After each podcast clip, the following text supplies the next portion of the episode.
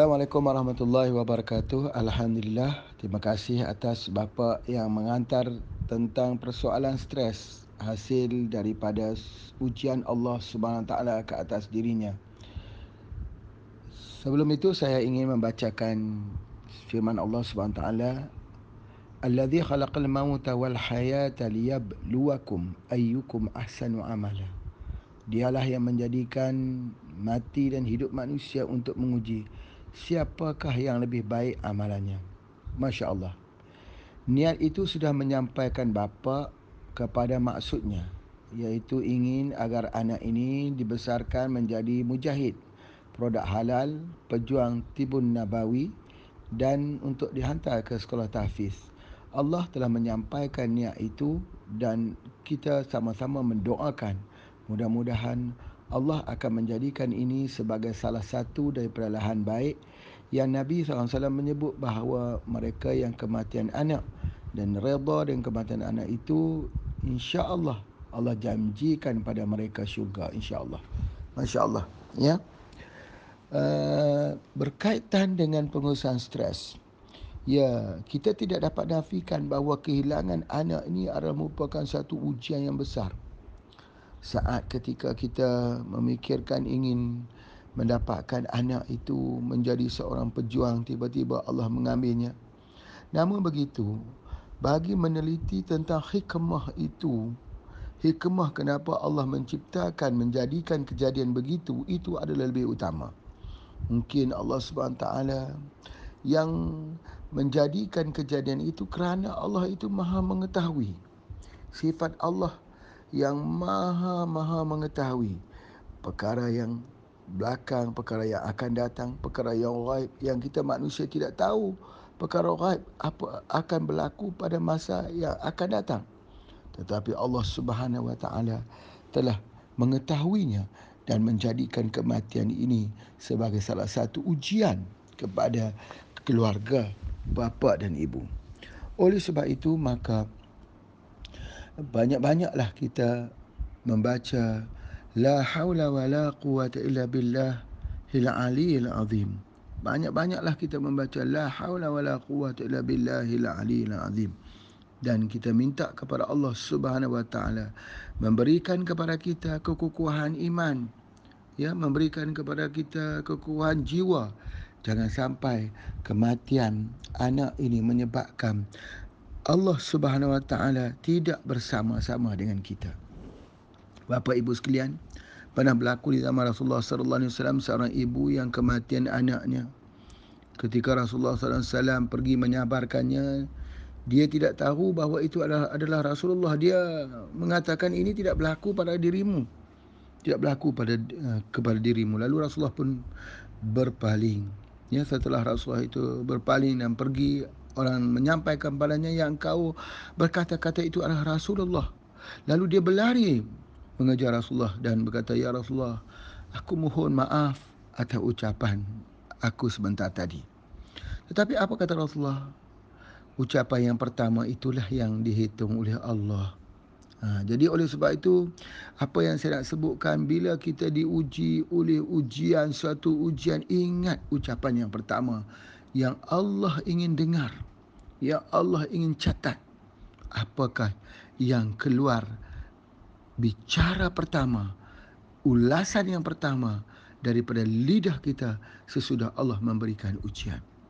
Insya Allah kalau kita sudah meredainya dengan penuh keikhlasan, ucapan yang pertama itulah ucapan yang mengembalikan kita kepada Allah.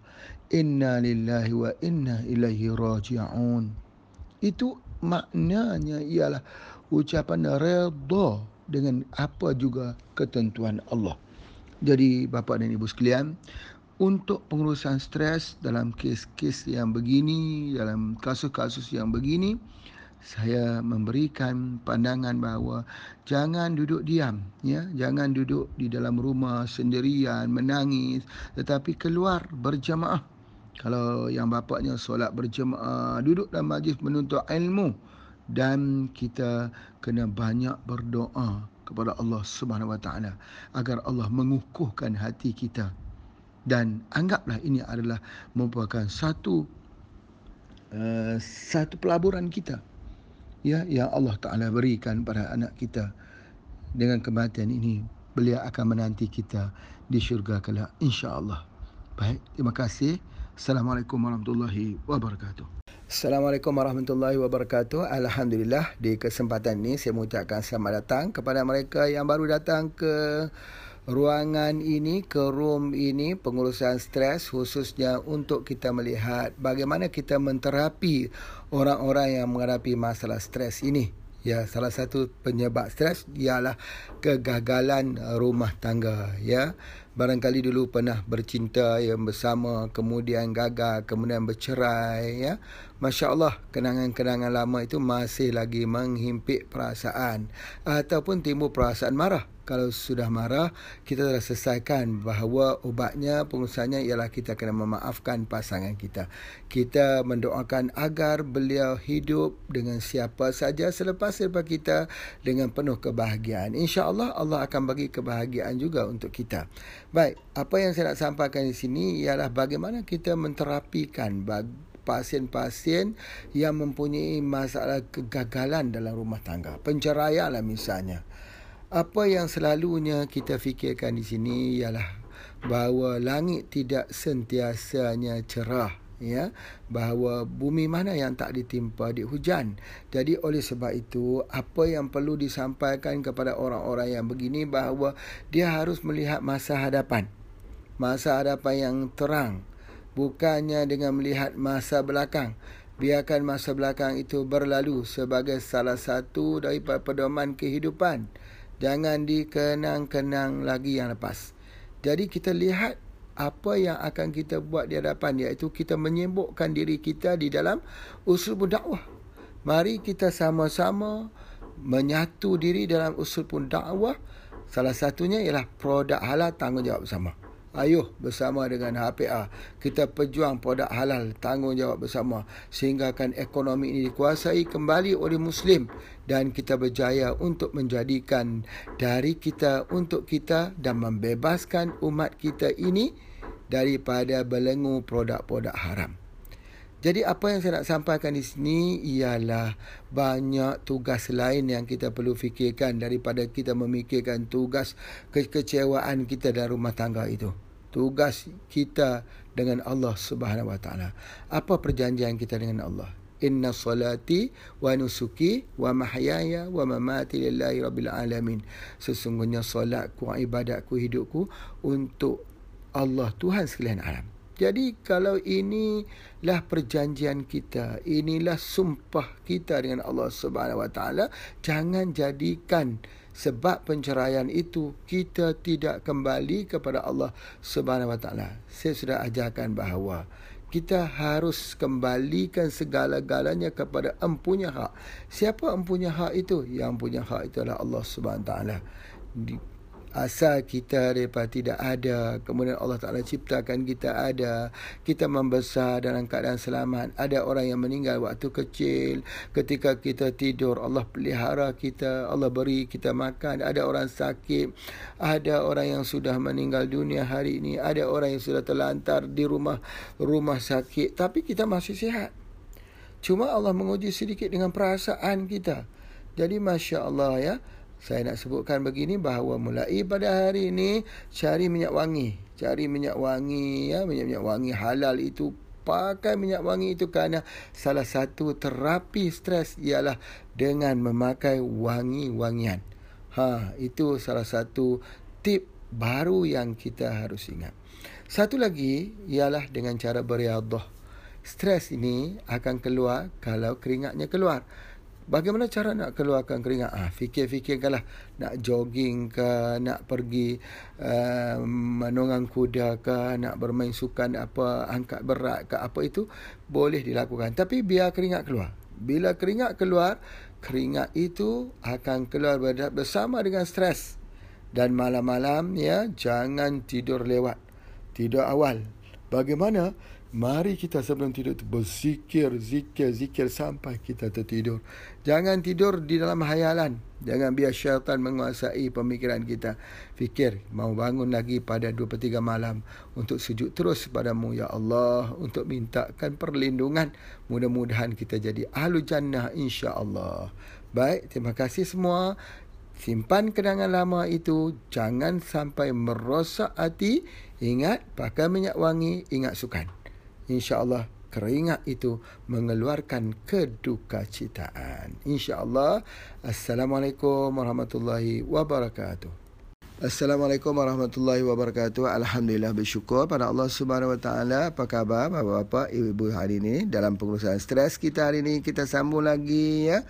Bagaimana semestinya berhadapan dengan orang yang stres ketika beliau mengadu stresnya pada kita? Apakah kita harus mengikuti irama cerita stresnya itu lalu kita berkata kesian ibu, kesian bapa ya?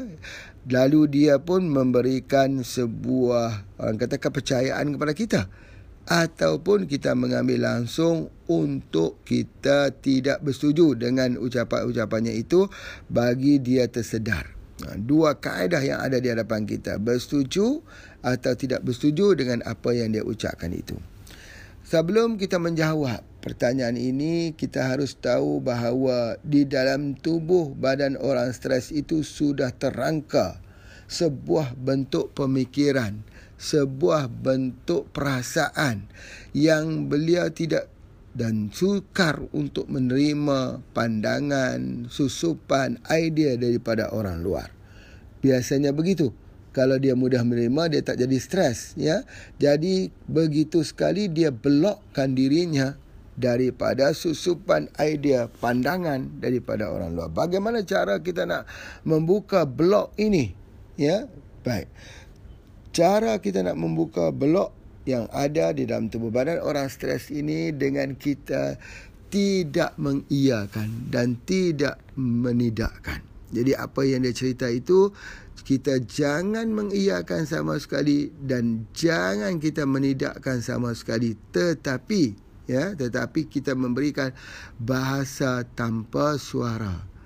Apa tu bahasa tanpa suara? Dikenali sebagai lisanul hal iaitu bahasa tanpa suara. Jadi berartinya kita menunjukkan rasa tidak senang dengan ucapannya ya. Tidak senang dengan ucapannya itu dan akhirnya sebelum kita meninggalkannya kita memberikan ucapan akhir pendek saja tidak panjang tetapi dia akan jadi bekas bekalan untuknya ketika kita tidak bersama dengannya. Banyak sekali orang ini bila jumpa orang stres dia pun ikut jadi stres juga. Ya, dia pun turut juga orang tu bercerita begini ya, begini saya menghadapi masalah dalam keluarga saya, begini anak saya tidak mau mendengar uh, kata-kata saya lagi deraka. Oh, begitu kesihannya ibu, bagaimana ibu akan menjalani kehidupan di masa depan ini agak sukar. Dia ikut tambah menyebabkan stres itu bertambah. Ada pula yang langsung kata menolak terus. Ibu, ibu tak sepatut berfikir begitu. Ibu harus fikir ini anak-anak ibu. Ini menjadikan bahasa itu agak kasar. Dan dia akan langsung belok daripada ucapan kita. Jadi apa yang mesti kita buat? Dengar. Menjadi pendengar terbaik. Kemudian di hujungnya. Sebut begini saja. Saya tak bersetuju dengan apa yang ibu katakan tadi. Cukup dan tinggalkan dia dalam keadaan begitu. Nanti dia akan mencari apa yang tak setujunya. InsyaAllah nanti kita akan bertemu lagi dengan beliau pada hari besok. InsyaAllah. Baik, jangan ingat kita bertemu dengan orang yang stres hari ini dapat selesaikan stresnya pada hari ini. Tidak. Ya, tetapi mengambil peluang yang panjang yang mesti kita ingat ialah kita mesti berkawan dengannya supaya dapat mengeluarkannya daripada terpuruk di dalam lubang yang dalam lagi gelap ini. InsyaAllah, selamat mencuba. Assalamualaikum warahmatullahi wabarakatuh.